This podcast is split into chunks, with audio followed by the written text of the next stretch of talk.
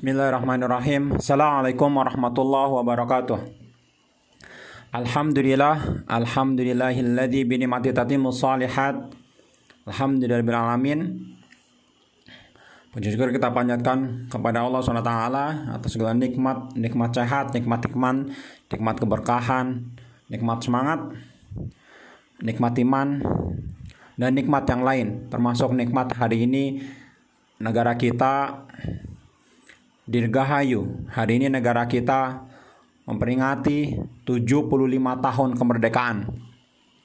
Dan kemerdekaan itu adalah nikmat terbesar bangsa ini dari Allah SWT setelah 350 tahun lebih dijajah oleh bangsa lain.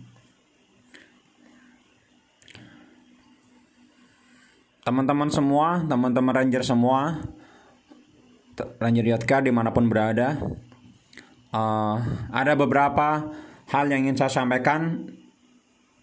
Saya Kusnan, pelayan Jotcare. Sebelumnya saya akan sapa teman-teman dengan salam leader. Salam leader, luar biasa. Baik teman-teman semua, hari ini Indonesia memperingati 75 tahun kemerdekaan. 75 tahun kita telah merasakan sebuah hasil dari perjuangan ratusan tahun. Jadi kemerdekaan ini usianya masih sedikit. Walaupun nanti kalau misalnya kita membandingkan dengan usia-usia produktif, usia-usia yang luar biasa, patut dipertanyakan 75 tahun ini, ke mana aja Indonesia? Kita tidak akan menggarisbawahi tentang bagaimana bangsa ini, tapi ada satu dua patah kata yang saya sampaikan perihal bagaimana kita sebagai Ranger Healthcare, bagaimana kita sebagai anak-anak muda, bagaimana kita sebagai generasi penerus, bagaimana kita sebagai bagian dari rakyat Indonesia ini uh, berbuat,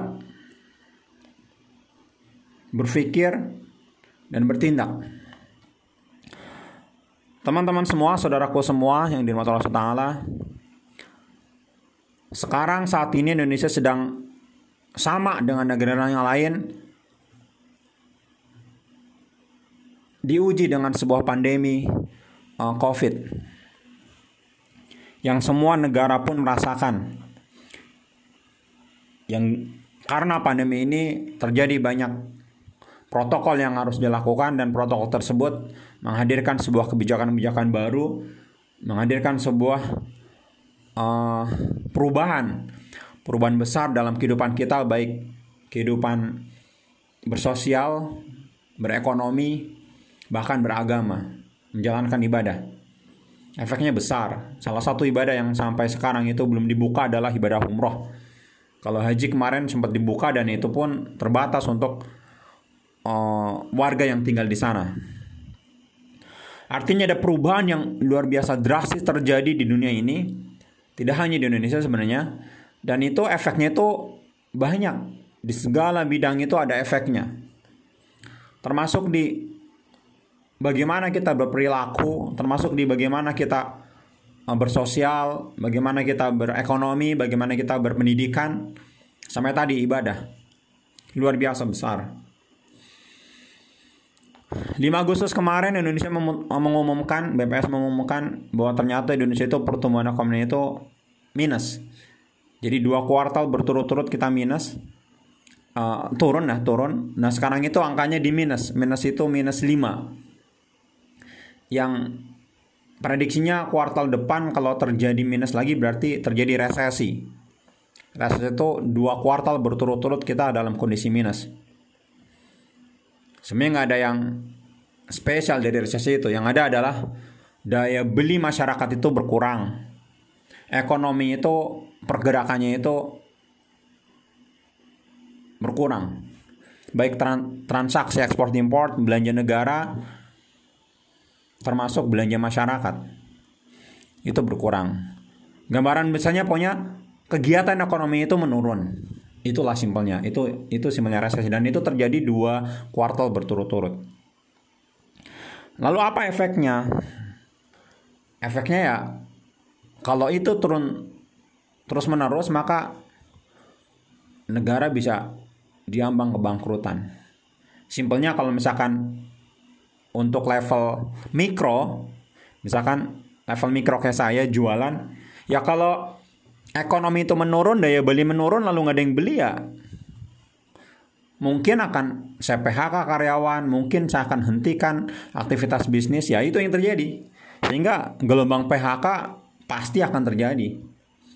Karena pada saat orang nggak belanja, nggak terjadi transaksi, ya orang-orang yang barangnya nggak dibeli ya mau nggak mau dia akan tutup, mau nggak mau dia akan pangkas uh, dalam bentuk bisa PHK, bisa tutup bahkan usahanya dan efeknya akan besar.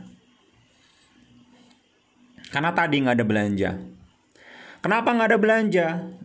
Ya pertama jelas mungkin karena uang yang dipegang itu sedikit, makanya stimulus dari pemerintah itu ya dikasih 600 ribu per per orang yang dia punya BPJS dan dia uh, gajinya di bawah 5 juta. Kalau teman-teman penghasilannya di bawah 5 juta tapi ikut BPJS ya, Allah alam dapat atau enggak. Itu stimulus pemerintah agar masyarakat itu belanja karena cara menghidupkan menaikkan ekonomi ya belanja. Jadi belanja itu kalau di fikihnya Umar itu di bagian poin kedua setelah produksi. Jadi di fikih Umar bin Khattab itu Masya Allah. Jadi poin produksi aja itu di, dipantengin sama pemerintah. Nggak boleh ada lahan yang nggak produktif. Umar itu keras. Negara itu boleh. Jadi negara itu ngatur tanah. Tanah itu nggak boleh di sebelah orang, apalagi kalau dia cuma beli untuk aset doang, didiemin itu nggak boleh. Karena tanah itu harus produktif. Nah kemarin pada saat saya ke Tonjong, Tonjong itu tanah itu, Tonjong itu ada sekian ratus, kalau nggak salah 380 sekian hektar, dan banyak tanah-tanah kosong yang produktif. Padahal orang butuh tanah, padahal orang butuh tempat, entah untuk usaha, entah untuk pertanian, entah untuk peternakan Ya itu tadi pada saat tanah-tanah dikuasai orang-orang yang orang itu nggak produktif, akhirnya kan banyak orang yang akhirnya dia nggak punya tanah, dia nggak bisa produktif karena dia butuh tanah tapi nggak punya tanah. Sementara yang punya tanah dia nggak mau mengelola. Makanya pada saat saya beli lahan, saya nggak mau nih tanah itu lama-lama nganggur. Segera bersihkan, jalanin. Nah nanti dibentuk taman, kita bisa kemah di sana, ada peternakan, ada hidroponik, ada perikanan, ada pesantren kita bangun di sana. Jadi pesantren punya lahan itu harus produktif. Saya banyak belajar dari pesantren Al Tifak di Ciburial di Ciwidey itu luar biasa. Sangkia itu punya prinsip nggak boleh ada sejengkal tanah itu yang nggak produktif. Makanya kalau saya ke sana itu Masya Allah, hampir semua tanah itu produktif. Dan nggak sekedar hanya produktif, tidak hanya sekedar taman asal nanam doang, tapi semua tanaman itu harus menghasilkan. Makanya rumah-rumah warga di sana tuh depan rumahnya tuh jadi kebun sayur. Yang dia bisa ngejual ke pesantren nanti pesantren itu jual lagi ke ke Giant dan sebagainya. Jadi prinsipnya adalah produktif luar biasa. Berarti fikihnya Umar dipakai tuh di Ciburial. Karena banyak juga pesantren-pesantren yang lahannya luas tapi unproduktif. Waktu saya ke Bondowoso itu pesantren uh, apa namanya Al-Islah itu luar biasa. Dia sampai punya peternakan ayam petelur, dia punya sawah. Jadi semuanya produktif, semua lahan itu nggak boleh ada lahan nganggur. Lapangan itu nggak boleh diem, lapangan itu dipakai untuk kajian, untuk ini, untuk itu. Gitu sampai nggak ada orang-orang kelas untuk belajar, kelas-kelas itu dikurangi. Buat apa? Ya belajar itu bisa di emperan, di masjid, di lapangan. Luar biasa. Makanya nanti pesantren yang kita bangun itu di Tonjong itu nggak ada orang kelas masjid dua lantai bawahnya itu asrama plus untuk tempat belajar atas masjid bisa untuk belajar pokoknya seminim bangunan tapi produktif tapi optimal. Gitu. Makanya saya punya rumah gede harus optimal. Ya untuk sekarang kan ruang tamunya jadi gudang nggak boleh ada rumah yang optimal. Kalau nggak optimal mending rumahnya kecil. Tapi saya nggak bisa nggak nggak nggak besar karena banyak aktivitas.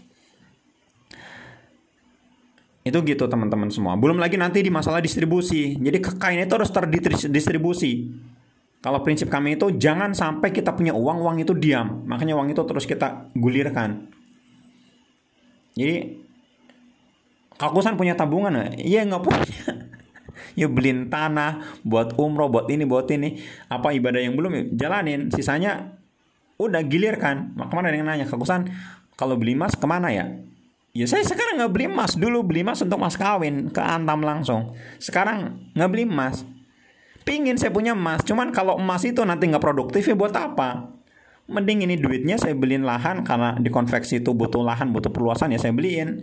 Saya beliin lahan, dibangun konveksi, ya habis duitnya. Adalah beli lahan di Tonjong ya nanti dibangun pesantren, pakailah buat pesantren, pakailah buat peternakan. Pakai dulu. Ya, pokoknya jangan sampai ada lahan yang nganggur selama lahan itu sudah resmi milik kita, maksudnya secara surat ya, kalau milik tetap milik Allah itu hanya titipan.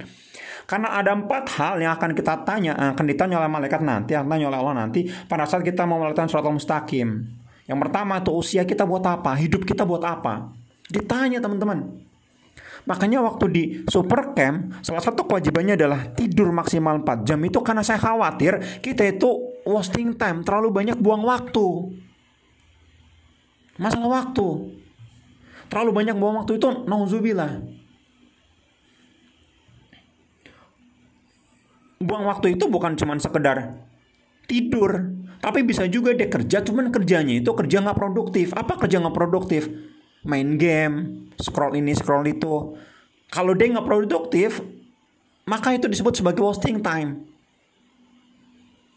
Kalau pakai bahasanya Ustadz Budi Ashari, bedanya anak muda, bedanya anak muda dengan anak-anak, dengan anak-anak, itu kan main. Kalau anak-anak itu ya main, ambidah bais itu mana mau dia serius main. Bangun tidur itu langsung pingin main, sekarang aja main. Kalau energinya belum habis tetap main. Entah main bola, entah terak-terak, entah main ini, main itu, gambar ini, gambar itu. Energi anak-anak itu harus habis baru dia mau bisa tidur. Kalau belum habis itu susah suruh tidur. Abidabas itu jarang tidur siang. Kecuali memang benar udah capek, bangunnya misalkan dari sebelum subuh, dia udah capek, ada tidur. Makanya ya udah biarin aja dia berkreasi. Ya kita tinggal nemenin, kasih stimulus, arahin, jadilah produktif. Makanya bidah ya sekarang ikut bantu masak, nyapu, ngepel, beres-beres, ya biarin aja. Dari kecil tuh dibiasakan untuk produktif. Ya kalau dia suka gambar, arahin gambar. Kalau dia suka ini, arahin ini. Karena nanti akan terasa itu kemampuan. Kasih fasilitas itu tanggung jawab para para suami untuk kasih fasilitas anak dan istrinya untuk bisa produktif. Nah, kalau pakai bahasanya Ustadz Budas Hari, anak-anak dan pemuda itu bedanya itu di main. Kalau anak-anak itu apa aja tuh main. Maka kalau udah dewasa, udah gede, masih main, maka dia masih anak-anak. Harus hilangkan jiwa anak-anak. Di surat An-Nur saya lupa ayatnya, ayatnya kan dijelasin tentang anak muda bahwa adanya jelas. Jadi dia lemah, lalu dia kuat, lalu lemah lagi. Itu kan siklus manusia atau siklus usia manusia. Jadi dari lemah, kuat, lalu lem, lemah lagi. Dari bayi, anak-anak nih, muda, tua. Jadi lemah, kuat, lemah lagi. Dari lemah ke kuat, nah, dari anak-anak ke pemuda, ini lemah ke kuat. Salah satunya itu adalah meninggalkan main. Kalau anak kecil kan orientasinya main. Kalau udah dewasa ya jangan main. Makanya handphonenya masih ada game, laptopnya ada game, dibuang itu game. Serius ini, habit-habit yang unproduktif dibuang. Saya ada greget dengan anak-anak muda ranger-ranger apalagi ranger gitu ya yang masih wasting time gitu masih buang-buang waktu apalagi cuma sekedar game kalau pakai bahasa Ustadz Buddha Sehari, kalau mau ngasih label ya haram. haram. Karena tadi ditanya tuh waktu usia gitu, ditanya. Kak, tapi berhibur. Ada waktunya berhibur dan ada koridor syariah dalam berhibur. Kalau berhibur misalkan sehari uh, satu jam dua jam itu namanya bukan berhibur, itu namanya wasting time. Makanya nanti akhirnya banyak yang unproduktif, banyak yang akhirnya menjadi miss kak bisa nggak pinjam duit kak bisa nggak ini kak bisa bisa tolong ini nggak bisa tolong ini nggak bisa tolong ini eh yuk kan anak muda kalau ada orang lemah datang ke saya dia janda, dia ini, dia ini, atau istrinya meninggal, atau ini kecelakaan segala macam butuh. Saya bantu. Tapi kalau dia anak muda, minta tolong saya kak, bantu dong saya kak, saya mau pinjam ini kak, buat ini kak, buat ini kak. Eh, yuk anak muda, saya pakai dalil Rasulullah SAW. Satu ketika itu datang anak muda, dibilang, ya Rasul, saya lapar, anak istri saya lapar. Rasul nggak langsung ngasih makan. Rasul itu kalau diminta apa pun dikasih. Tapi anak muda ini datang nggak langsung dikasih sama Rasul. Kata Rasul? Kau punya apa?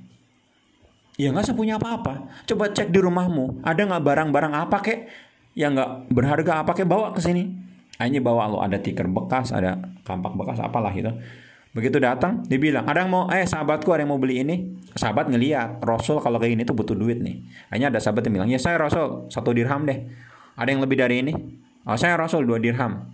Udah terjadi transaksi, diambil duitnya sama Rasul, dua dirham, kasih anak muda. Ya anak muda, ini satu dirham kau beli makan.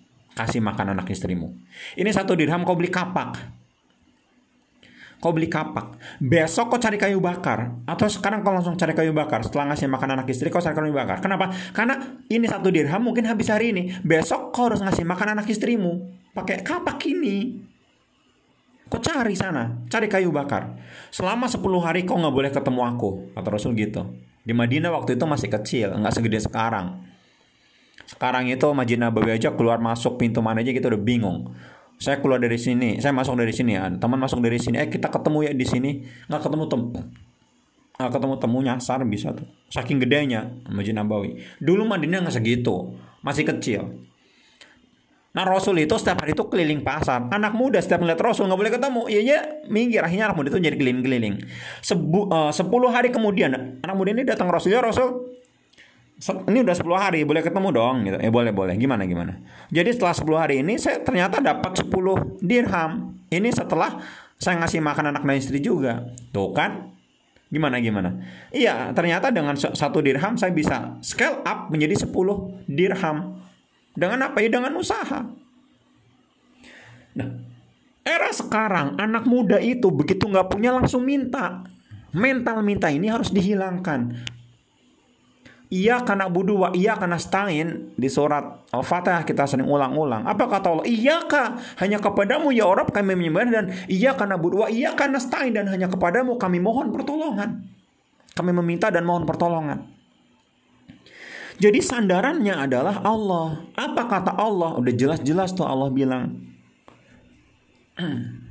Atau bahasa 105 katakan bekerjalah kamu maka Allah, Rasul, orang beriman akan melihat hasil pekerjaanmu. Ikhtiar bro. Ikhtiar. Kalau kita nggak baca sesuatu, nyandar ke Allah. Habis itu kita ikhtiar. Jangan ikhtiarnya itu minjem. Hutang piutang itu boleh. Tapi menjadi catatan karena ini menjadi ayat paling panjang di Al-Quran. Kenapa menjadi catatan? Ya karena itu dibolehkan cuma jadi catatan. Kalau bisa jangan utang. Orang punya utang, utang itu tidur nggak tenang apalagi nggak tidur nggak tenang jangan punya utang lah kalaupun punya utang kalau bisa utang yang produktif jangan utang konsumtif makanya fine usaha dong usaha jangan sampai nikah aja ngutang. Jangan sampai ini aja ngutang itu aja ngutang itu aja. Usaha dulu bro. Cowok cowok apalagi? Cowok. Usaha dulu. Nih ranger ranger cowok. Banyak nih ranger ranger cewek yang siap nikah cuman ya apa namanya? Nggak siap. Ceweknya banyak yang siap nikah ranger nih. Cowoknya tuh jarang yang pada siap. Saya punya dua sepupu nih cewek kalau ada yang siap nih saya kasih tahu nanti. Satunya udah kerja satunya jualan online. Nah teman-teman semua saya akan memberikan pesan sedikit tentang teman-teman kepada teman-teman semua. Beberapa minggu yang lalu Hagia Sophia resmi dipakai lagi untuk sholat Jumat. Dan untuk sholat-sholat uh, yang lain. Hagia Sophia itu adalah hasil dari futuhat seorang anak muda bernama Muhammad bin Murad yang diberi gelar Al-Fatih. Yang kita lebih kenal, mengenal dengan Muhammad Al-Fatih. Itu sebuah futuhat dari beliau. Yang futuhat ini 800 sekian tahun sebelumnya itu sudah dijanjikan oleh Rasulullah dalam sebuah nubuat atau Ftahan al-Konstantinia al amiru amiru dan seterusnya. Usia Muhammad al-Fatih itu belum genap 21 tahun melakukan futuhat itu. What's the point? Jadi poin yang ingin saya sampaikan kepada teman-teman semua para ranger baik yang udah atau yang belum melewati usia 21 ini adalah tentang futuhat. Pernahkah teman-teman semua itu punya visi atau punya impian untuk melakukan sebuah futuhat, sebuah penaklukan. Apa yang akan saya taklukkan di muka bumi ini? Kalau kemarin saya sempat ngebahas di fitrah based life nggak tahu nih ranger secara umum udah saya jelasin belum? Mungkin saya sedikit sedikit ya teman-teman semua. Jadi kita hidup ini saat kita diciptakan oleh Allah untuk hidup di dunia ini Allah itu punya maksud. Maksud Allah adalah wa ma khalaqtul jinna wal insa illa liya'budun. Jadi ternyata Allah itu menciptakan manusia tidak menciptakan manusia kecuali untuk menyembah Allah. Jadi kita itu diciptakan hanya untuk menyembah Allah. Itu maksud Allah ciptakan kita. Maka saat kita hidup itu harus memastikan bahwa aktivitas kita itu adalah ibadah. Nah, ibadah itu koridornya pertama adalah lillahi ta'ala, yang kedua ada koridor syariat. Maka setiap aktivitas kita harus lillahi ta'ala. Baik teman-teman nikah, baik teman-teman produksi anak, baik teman-teman usaha, muamalah, baik teman-teman kerja, atau semua aktivitas kita harus dalam koridor ibadah koridornya tadi. Pertama adalah nilai ta'ala yang kedua adalah koridor syariat. Jadi ada koridor syariat. Jangan sampai kita hidup di dunia ini lalu kita nyari nafkahnya ribawi. Karena Allah itu ciptain kita cuma buat ibadah. Nah ibadah ribawi. Ya nggak boleh. Ribawi itu udah jelas-jelas haram. Ya keluar lah. Kalau kerja di tempat-tempat ribawi keluar. Kalau kerjanya nggak benar keluar Apalagi kalau muamalah, berbisnis, berdagang. Bisnis dagang itu Umar itu sampai wanti-wanti nggak boleh itu ada orang dagang kalau dia nggak ngerti fikih muamalah. Kalau dia nggak paham muamalah nggak boleh dagang karena resikonya dia bisa riba baik tidak sengaja maupun sengaja. Makanya harus diilmui. Dan salah satu ilmu bisnis itu ya muamalah. Bagaimana kita bermuamalah. Muamalah itu nggak cuma sekedar transaksi tapi juga mulai dari develop produk, marketing dan sebagainya. Itu muamalah. Ya saya juga belajar bro. Kita sama-sama belajar lah. Jadi gitu teman-teman semua. Nah, Allah itu punya maksud kita untuk ibadah itu pertama. Yang kedua ternyata nggak cuma sekedar punya maksud tapi Allah ngasih tugas. Apa tugas dari Allah? Khalifah fil ard jadi tugas kita ke muka bumi ini untuk menjadi khalifah dengan dua tugas personal. Pertama adalah amar ma'ruf nahi mungkar, yang kedua adalah menjadi rahmatan lil alamin. Amar ma'ruf nahi mungkar adalah tugas dakwah, mengajak kebaikan, mencegah kemungkaran. Jadi dakwah itu menjadi tugas personal setiap kita tuh punya tugas untuk dakwah.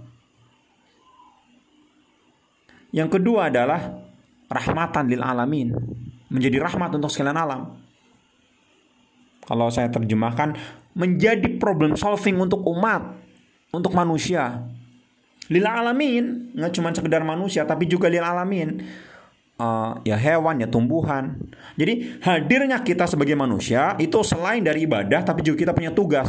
Apa tugasnya? Ngajak kepada kebaikan dan mencegah kemungkaran. Ngajak dakwah. Yang kedua adalah menjadi rahmat yang alamin, menjadi problem solving. Maka kita hidup itu harus jadi problem solving. Nggak boleh jadi beban, nggak boleh jadi problem harus menjadi solving problem solving menjadi pemecah masalah nah kalau udah tahu nih, oh saya udah tahu maksud Allah. Yang kedua, saya tahu tugas dari Allah, maka berikutnya adalah vision. Pertama purpose tadi maksud Allah ciptakan kita. Yang kedua adalah mission, misi, tugas Allah ciptakan kita. Yang ketiga adalah vision, visi. Visi itu gini, gambaran saya untuk menjalankan tugas dari Allah dan menjalankan maksud Allah ciptakan saya. Saya di dunia mau ngapain nih? Ah itu visi. Visi itu terserah. You mau ngapain terserah. 5 tahun, 10 tahun. Yang penting koridornya tadi. Pertama adalah ibadah, yang kedua menjalankan perintah Allah, khalifah fil ard. Mengajak kepada kebaikan, mencegah kemungkaran dan menjadi rahmatan yang alamin. Itu tugas namanya tugas harus dijalanin bro. Nanti dikumpulin dapat nilai. Jadi namanya tugasnya dikerjakan. Maka pada saat kita hidup nggak cuma hidup doang. Ada tugas bro. Dan tugas ini masya Allah berat ini tugas. Dan cuma manusia. Gunung aja itu bisa hancur. Pohon binatang nggak berani. Manusia berani. Apa tugasnya? Khalifah fil art memakmurkan bumi. Dengan cara apa amar ma'ruf nahi mungkar, mengajak kepada yang ma'ruf, mencegah kepada yang mungkar. Dakwah yang berikutnya adalah rahmatan lil alamin, menjadi rahmat, menjadi problem solving. Pemecah masalah. Umat masalahnya ekonomi, bantu selesaikan bro. Keluarga kita masalahnya, bantu selesaikan. Hadirnya kita harus menjadi problem solving, rahmatan alamin. Ucapan kita, tindakan kita, orang itu tidak terlukai dan orang itu tertolong. Sampai semin-minimnya itu orang nggak terlukai lah. Hadisnya kan kayak gitu. Nggak boleh itu ada orang lain terlukai dari lisan dan tindakan kita. Ah ini bro. Nah sekarang kita ngebahas tentang visi tentang visi, maka kita harus menentukan, oh gue mau ngapain nih? Bikin gambaran 5 tahun, 10 tahun, 15 tahun, 20 tahun. Disebutkan kan dijelasin tuh. Kita harus punya visi. Visi adalah sesuatu yang belum kita lihat, tapi seolah-olah kita bisa melihat itu terjadi. Itu visi. Kalau saya visinya youth care dengan segala project di dalamnya. Jadi, wow, bisnis hierarki, bisnis itu, bisnis itu. Dalam rangka menjalankan visi. Itu gitu visi. Tanah yang ditonjong itu bukan tiba-tiba saya beli tanah oh karena duit terus betul. Enggak, itu udah proyeksi jangka panjang, Bro. Makanya dulu waktu di Supercamp kan saya pernah ngasih lihat gambar tentang sekian ratus hek, ribu hektar lah itu yang tentang vision building. Itu kan visi ya. Gini, visi itu gambaran kita. Terjadi atau enggaknya, ya kita ikhtiar. Kita punya visi punya 100 tercapai cuma satu ya kita ikhtiar namanya ikhtiar Tugas kita cuma ikhtiar. Hasil akhirnya yang menentukan itu kan kuasanya Allah. Itu gitu bro. Nah, karena kita punya tugas menjadi rahmatil alamin, maka kita harus memiliki problem solving. Kembali ke futuhat. Nah, saya harus punya futuhat. Futuhat itu nanti menjadi visi hidup saya. Apa yang akan saya taklukkan? Oh, saya futuhat saya adalah tahun sekian saya akan menaklukkan hati mertua. Wah, berarti nikah nah, gitu maksudnya. Saya akan taklukkan seorang akhwat nah, nikah. Berarti futuhat nikah tahun berapa? Itu gitu, Bro. Ada target. Itu futuhat, futuhat kecil ke futuhat besar. Futuhat besarnya apa? Futuhat besar saya saya akan mendirikan pesantren dengan ribuan santri. Nah, mantap. Futuhat saya adalah saya menjadi menteri. Nah, ini ada apa namanya ASN banyak nih ranger-ranger ASN. Foto saya dalam menjadi menteri. Ada juga ranger yang yang mau turun di politik. Foto saya adalah saya menjadi anggota DPR RI. Foto saya adalah saya menjadi uh, eksekutif, lurah, camat, bupati, wali kota, gubernur, presiden. Nah, itu fotohat namanya mengambil posisi untuk menjalankan tugas-tugas dari Allah itu namanya bahasa bahasa saya itu adalah futuhat. Maka teman-teman harus punya futuhat. Kak, usia saya udah lewat 21 tahun. Ya nggak apa-apa. Nih handphonenya aku banting nih.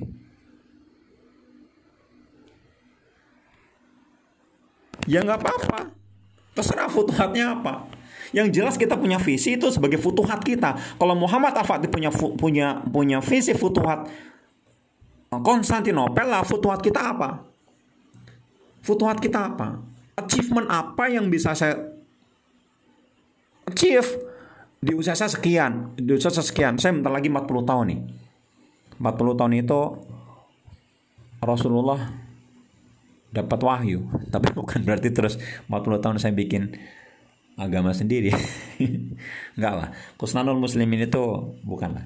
Enggak lah, enggak bikin partai politik enggak saya punya saya udah punya visi udah jelas teman-teman udah tahu ya dengan youth care dengan project-projectnya ah itulah visi hidup saya sebanyak mungkin anak muda ini tersadarkan terupgrading sehingga anak-anak muda ini bisa mengisi pos-pos yang ada di seluruh uh, apa namanya celah-celah di masyarakat baik politik ekonomi budaya pendidikan dan sebagainya. Nah itu tugas saya lah menjadi Tenzing Norgay mantap Tenzing Norgay saya pelayan aja lah saya pelayan.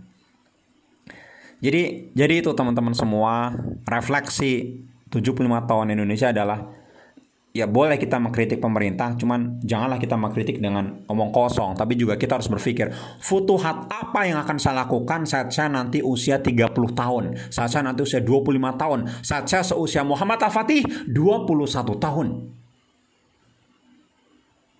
Gitu bro makanya nih yang ranger-ranger udah punya istri, udah punya suami, gabunglah ke grup family ranger. Nanti kita bahas bagaimana kita mendidik anak-anak kita, itu anak-anak yang visioner, itu anak-anak yang strong, yang kuat, yang dia siap, dia udah punya rencana-rencana untuk futuhat. Apa yang mau difutuhatkan?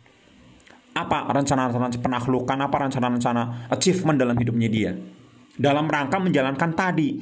Maksud Allah ciptakan kita ibadah dan tugas itu menjadi uh, khalifah fil ard.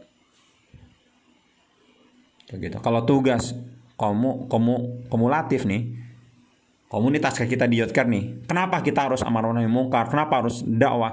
Agar kuntum khaira ummatin. Jadi tujuan kita adalah khaira ummatin. Itu tu, tujuan sebagai komunitas. Setelah personal kita kelar, kita harus bergabung dengan komunitas. Saya sering sampaikan dalam hidup itu ada dua. Ada rencana, membuat rencana, ada bagian dari rencana. Saya merencanakan dan bagian dari rencana. Jadi saya saya merencanakan sesuatu, tapi saya juga bagian dari rencana. Nggak salah dua-duanya, bro. You nggak punya rencana nggak masalah, you tinggal ikut orang. Mana ada yang nanya, kak kalau saya nggak punya rencana hidup gimana? Ya nggak apa-apa. Tanya ke orang tua, bu, ibu ngelahirin saya punya cita-cita nggak? Saya jadi apa? Ikutin aja kemauan ibu. Ya daripada kita nggak punya rencana.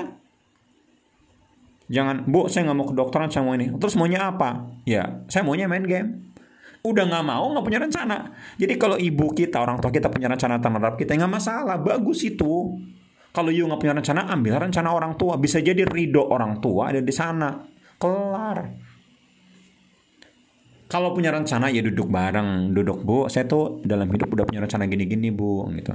Kalau ibu niatnya saya pengen jadi ini pengen jadi itu insya Allah bisa bu. Saya itu sampai nanya sebenarnya dulu ibu saya yang lahirin saya tuh pengen saya jadi apa sih? Gitu kalau kata saudara-saudara, ya kita juga belum tahu karena ibumu nggak pernah ngomong. Saya nanti pingin nanti kalau saya meninggal tolong ya anak saya Kusnan tuh saya pengen jadi gini-gini. Cuma ibu saya itu ngasih sign, tahu sign nggak sign, ngasih pesan. Ibu saya itu sosok pengajar. Dia ngajar pengajar guru tanpa gelar karena SD aja nggak lulus. SD aja kagak lulus lu ngajarin SD ya kagak dianggap lah. Tapi serius guru ibu saya itu pengajar luar biasa luar biasa dedikasi terhadap pengajar itu luar biasa. Gaji cuma 15 ribu sebulan dijalanin. Sampai keluarga ditinggalin pagi ngurusin anaknya terus dia pergi. Ya kalau mau dagang ibu saya mungkin mending dagang ke pasar dari pagi sampai siang. Mungkin bisa jadi lebih kaya. Tapi ibu saya punya dedikasi dalam hidupnya untuk ngajar. Jadi ngasih sign.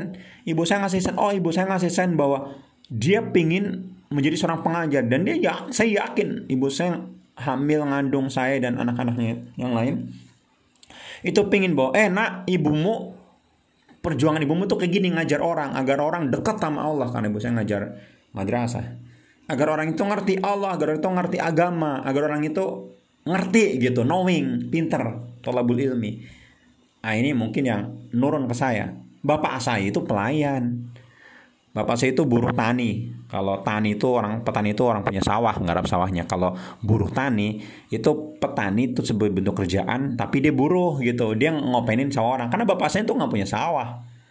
Jadi dia nggarap sawah orang lah, kerja sama orang tadi bayar dengan gaji 2500. Sampai sekarang bapak itu masih kerja, masih kerja. Kadang jadi tukang, kadang jadi bersih-bersih got lah apa. Ya kalau nggak ada kerjaan dia nyapu ngepel masjid. Dengan hobi sekarang menjadi muazin. Jadi 5-10 menit atau 30 menit sebelum sebelum apa namanya waktu sholat uh, sholat di kampung ya. Karena di kampung itu sering ngaret. Itu pasti hampir pasti setiap saya di kampung itu yang azan itu bapak saya. Mulai dari subuh asar maghrib isya. Apa pun entah belum lagi kerja jadi tukang apa pokoknya menjelang waktunya sholat tuh belum pulang mandi uh, ke musola. Musola sih bukan masjid gitu jadi ngasih sign orang tua tuh ngasih sign sebenarnya nggak perlu ditanya kita ngasih sign itu yang saya sebut sebagai mencari DNA diri jadi cari DNA kita tuh dari mana sih terbentuk? Bapak saya apa, ibu saya apa? Ah, generalkan DNA mereka. Tuh gitu. Itu kalau masih banyak, oh kak saya nggak punya tujuan hidup, kak saya bingung menentukan ini hidup misi hidup saya. Udah gini bro, yuk cari aja orang tua, DNA orang tua, yuk ikutin aja lah. Atau tanya orang tua, yang orang tua yang masih ada, bu, pak, ibu, dulu hamil saya 9 bulan, lain saya itu punya cita-cita nggak, punya keinginan nggak saya mau jadi apa? Bapak ngasih makan saya, gedein saya, didik saya punya kinan nggak saya jadi apa? Tanya aja. Kalau situ oh minta doanya restu biar saya akan tujuh hidup saya menjadi seperti apa yang dicita-citakan uh, orang tua. Gitu aja lah kalau nggak punya tujuan hidup. Kalau punya tujuan hidup ya diskusi bro. Tuh gitu. Jadi gitu bro. Gitu teman-teman semua ya, teman-teman nyar semua. Nih mohon maaf nih saya jadi marah-marah kayak gini bukan bukan karena apa-apa saya bukan ngikutin Pak Jokowi yang marah-marah ke menteri juga karena saya nggak mungkin reshuffle teman-teman semua jadi ranger terus jadi non ranger nggak bro. Jadi gini teman-teman semua ini sebagai bentuk uh, mahabbah bentuk cinta karena saya mencintai teman-teman semua Uh, saya mencintai kalian semua karena Allah Ta'ala Semoga kita bisa bersahabat, bisa berteman, bisa bersaudara Sampai ke surga insya Allah maka tugas saya cuma ngingetin karena saya masih berstatus sebagai presiden. Kalau kemarin Bapak Presiden Republik Indonesia yang terhormat Bapak Joko Widodo itu memberikan apa namanya uh, pidato kenegaraan, makanya adalah pidato kenegaraan Muhammad Kusnan sebagai Presiden Youth Care Internasional ya mantap. Jadi sebagai pengingat lah teman-teman uh, agar mau Hasanah ini pengingatan ini sebagai menjadi teguran untuk kita semua. Semoga teman-teman tersadar. Ayo kita sadar. Sekarang ini bro. Bro tahun sekarang ini tuh udah belasan sampai puluhan orang ter PHK nggak punya kerjaan. Terus eh, anak-anak muda jutaan anak-anak muda itu menjadi follower IG maupun YouTube. Yang kontennya itu isinya sampah. Nauzubillah. Nggak punya tujuan hidup. Yang mahasiswa aja itu mereka nggak punya tujuan hidup. Sehingga mereka kuliah aja salah jurusan Begitu lulus kuliah ya karena nggak punya karena kuliah aja salah jurusan. Begitu lulus kuliah itu jadi nganggur. Jadi gini, dua setengah juta pengangguran setiap tahun di Indonesia itu itu bukan karena dia nggak punya skill, bukan karena dia nggak punya ilmu, bukan karena dia nggak punya wawasan, karena dia nggak punya tujuan hidup. Kalau dia punya tujuan hidup, jangankan lulus kuliah, bro. Dia sebelum kuliah udah punya tujuan hidup. Sekarang itu mahasiswa begitu lulus, habis lulus mau ngapain? Ya belum tahu. Mungkin nanti coba-coba cari kerja. Kan nggak punya tujuan hidup, bro. Kalau dia punya tujuan hidup, dia pasti menentukan, merencanakan, dan dia akan berjalan selangkah demi langkah. Fatal kalau seorang ranger care baik itu ranger dari Supercamp, ranger dari SHP maupun SLP, dia nggak punya tujuan hidup Orang yang punya tujuan hidup, dia akan menjadi rencana orang. Ya kalau rencananya baik, kalau rencananya buruk, nothing. Malunya itu pertama adalah malu sama Allah. Allah ngasih tugas, Allah kasih kita aset yang luar biasa dalam bentuk fisik. Nalar kita luar biasa itu bro. Kita kasih otak luar biasa, kita kasih fisik luar biasa. Itu aset dari Allah. Allah kasih aset, Allah kasih tugas. Hei bro optimalin. Dulu saya tuh pernah ikut pelatihan Bob Sadino di Bali. Nginep di sana di hotel bayarnya belasan juta. Ya dulu saya banyak duit bro. Saya dulu ikut aja. Dulu saya orangnya manut. Dulu saya ikut network marketing saya punya mentor. Kata mentor saya nan kusnan saya suruh apa kamu ikutin? Gitu. Siap gitu. Tapi kalau saya punya duit ya. Dan mentor saya itu tahu kalau saya punya duit baru saya suruh ikut. Sampai dulu saya pernah ikut Brotherhood Bootcamp. Itu harga trainingnya itu seharga 100 juta di Singapura Malaysia Thailand itu sampai digituin. Sampai waktu kalau nggak salah yang kedua atau ketiga tuh saya belum boleh ikut yang keempat baru saya boleh ikut. Ternyata salah satunya bukan saya udah punya duit 100 juta tapi secara uh, apa namanya kapasitas mungkin saya belum ya. Dan waktu saya ikut ya alhamdulillah dapat bonusnya itu ketemu dengan uh, Anthony Robin, ketemu dengan Jack Till yang nulis Chicken Shop dan sebagainya walaupun cuma sebentar ya. Belum nggak ngisi cuma sharing doang. Itu gitu. Jadi yang menarik itu gini teman-teman semua. Bob Sadino pernah ngomong ada satu orang yang dia kan ngomong tentang gini dalam bisnis nih sebenarnya kita tuh nggak butuh modal materi modal pertama adalah punya keinginan itu aja Makanya saya sering bingung menyampaikan kepada teman-teman ranger, apalagi rangernya dari SHP, orang-orang soleh ini saya bingung. Kalau dikasih motivasi dunia, seharusnya termotivasi dengan akhirat dong, ya nggak? Gini, masalah bisnis, masalah harta, masalah pengusaha, masalah orang kaya nih. Ini umat ini butuh orang kaya, bro. Dalam Islam itu, di Al-Quran itu dijelaskan, jihad itu urutannya itu amwalikum wa amfusikum bi amwalikum wa amfusikum jihad itu yang awal itu jihad harta jadi kalau mau besok mau perang nih, mau perang Badar, perang Uhud, itu Rasul sebelum itu ngasih tahu, "Eh, sahabat, besok perang." Hari ini ayo kumpulin duit. Kita butuh senjata, butuh logistik, butuh kendaraan, butuh ini, butuh ini. Jadi jihad pertama itu adalah ngumpulin duit dulu, baru besoknya perang gitu, Bro. Maka menjadi kaya itu menjadi sebuah keniscayaan untuk seorang muslim. Allah itu suka muslim yang kuat. Belum lagi kaya untuk ibadah, belum lagi kaya untuk jihad. Jihad kita bisa dengan kekayaan itu kita akan berjihad dengan kekayaan. Jadi orang jadi jangan sampai nih jangan sampai orang orang kaya itu orang yang nggak bener. Maka kita nih orang-orang soleh bukan saya lah. Saya masih belum soleh. Ini teman-teman semua nih orang-orang soleh, hafiz Quran dari pesantren soleh soleha. Ayo semangat jadi orang kaya. Kalau teman-teman orang soleh kaya, insya Allah itu kekayaan itu dipakai untuk sesuatu yang baik. Orang coba teman-teman cek, teman-teman cek. Orang-orang kaya yang dia muslim kan baik-baik. Luar biasa sedekahnya luar biasa punya proyek rumah Quran, punya proyek pesantren. Makanya teman-teman udah baik nih, udah baik, udah soleh, udah good lah, udah separuh sukses nih. Tinggal ayo kita kaya gitu. Ya kalau nggak kalau motivasi dunia punya mobil, punya rumah, punya ini, punya villa dan segala macam, teman-teman nggak nggak tertarik, gini deh, ayo tertariknya akhirat. Pingin nggak umroh, pingin nggak haji, pingin nggak apa namanya sedekah sehari sejuta, sedekah sehari lima juta, ya ayo fight usaha. Masa jadi marah-marah gini ya? Greget saya bro. Apalagi kalau di depan cowok nih, santri SLP, apa SLP maupun SHP nih, yang cowok-cowok ataupun ranger-ranger nih. Sorry, ranger bangun. Saya greget ngomong kayak gini, serius nih. Ya, teman-teman itu lahir dari orang yang berduit. Saya tuh miskin. Bukan miskin, fakir miskin. Di bawahnya miskin, level saya itu di bawahnya miskin.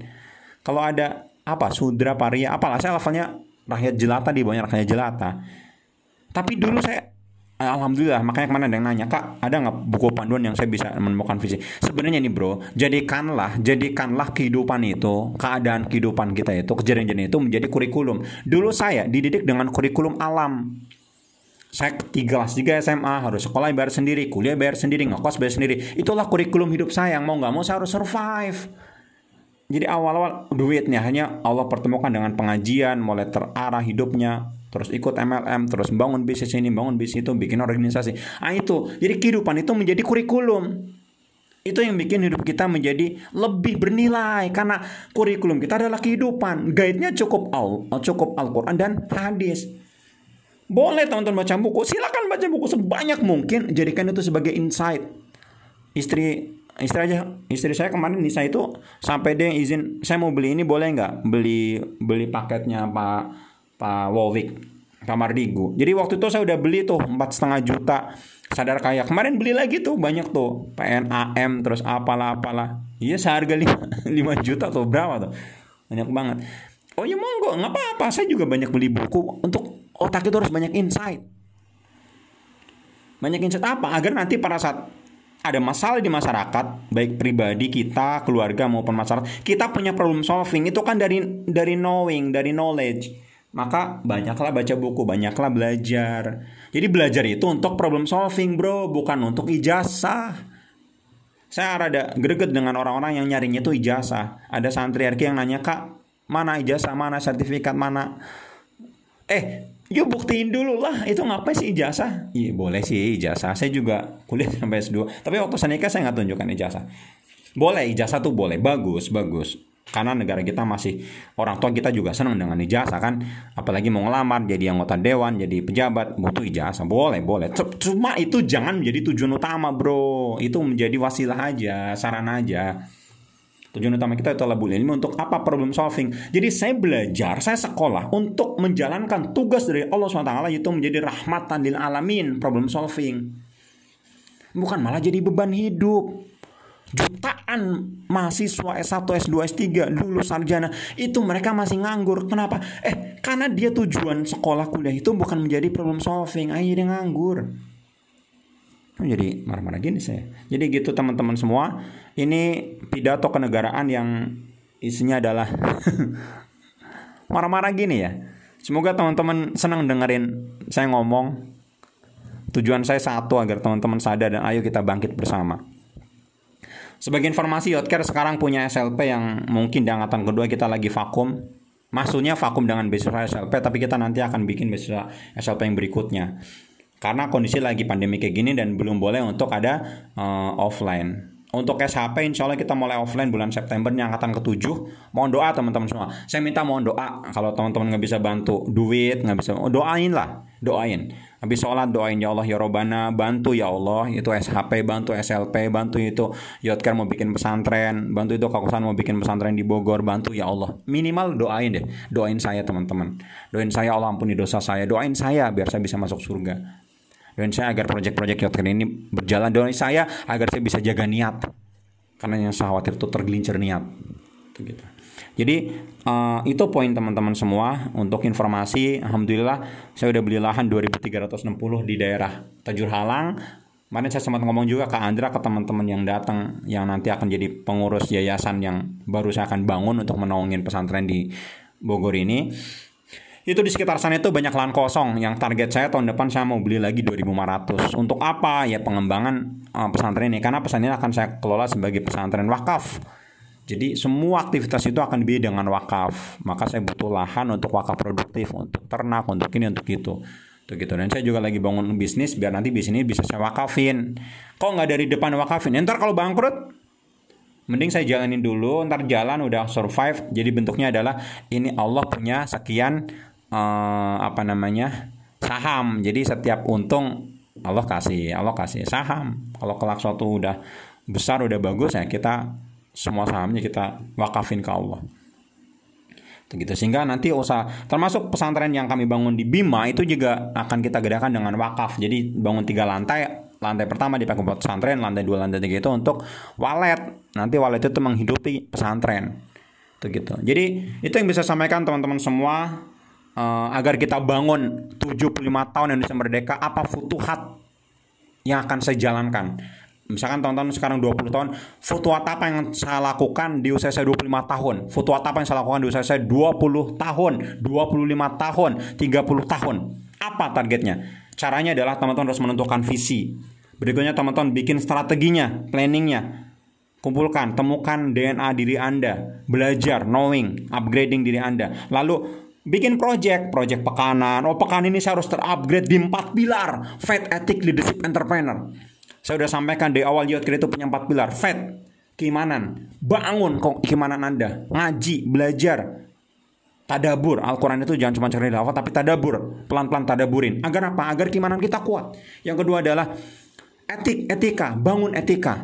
Pelajari adab-adab baca. Kalau perlu setiap rumah teman-teman harus ada kitab ada bul mufrad. Baca setiap hari. Satu dua dua apa namanya hadis. Pelajari. Minimal baca deh. Atau kalau belum sanggup beli cari di YouTube. Agendakan setiap pekan sekali atau setiap dua tiga hari sekali nonton uh, kajian ada bul mufrad.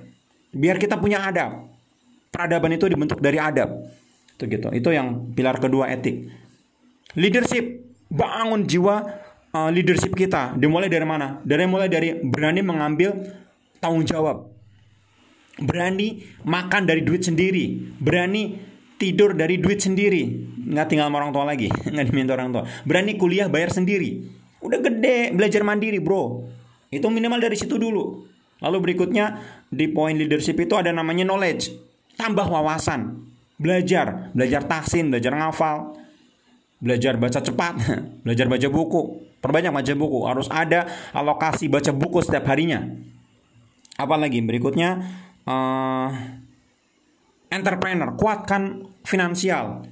Seperti saya sampaikan analogi bisnis itu seperti main catur. Catur itu nggak akan jalan itu kalau pion belum jalan. Maka jalanin pion. Apa pion bisnis itu? Jualan. Jualan, asal kemampuan jualan. Jadi kalau udah temu DNA, silakan teman-teman bisa jadi youtuber, bisa jadi artis Instagram, apa pun. Ingat, hidup kita cuma untuk menjalankan maksud dari Allah itu ibadah dan kedua tugas dari Allah yaitu amarah nahi mungkar. Lalu berikutnya adalah rahmatan alamin. Berkeluarga fisiknya ke sana. Keluarga kita dibangun untuk ibadah. Keluarga kita dibangun untuk amar nahi mungkar. Keluarga kita dibangun untuk uh, menjadi problem solving. Jadi keluarga itu harus punya kontribusi untuk masyarakat, harus punya kontribusi untuk umat. Maka saat membangun keluarga ada ibadah bersama. Nih, kalau bahas keluarga nanti bisa masuk family Ranger ya teman-teman. Jadi baik itu teman-teman bisa sampaikan. Uh, semoga teman-teman mau dengerin bermanfaat dan tetap doakan saya doakan Yotker. Semoga Allah mudahkan jalan-jalan hidup kita semua. Saya juga doakan teman-teman semua semoga Allah berkahi, semoga Allah mudahkan rezeki, semoga Allah jaga dalam ketaatan, dalam semangat, uh, dalam keberkahan. Semoga Allah mudahkan rezeki, Allah mudahkan jalan hidupnya, Allah mudahkan jodohnya yang masih belum berjodoh. Semoga Allah mudahkan teman-teman mencapai impian. Semoga Allah mudahkan teman-teman masuk surga. Doain saya juga teman-teman bisa masuk surga. Itu aja dari saya pidato kenegaraan dari Presiden Care Muhammad Kusnan. uh, di tanggal 17 Agustus tahun 2020. Semoga teman-teman Allah karuniai dengan keberkahan dalam hidup, Allah jaga uh, iman dan takwa. Semoga senantiasa dalam ketaatan dan semoga kita nanti bisa bertetangga di surga. Demikian, kami mohon maaf. Assalamualaikum warahmatullahi wabarakatuh.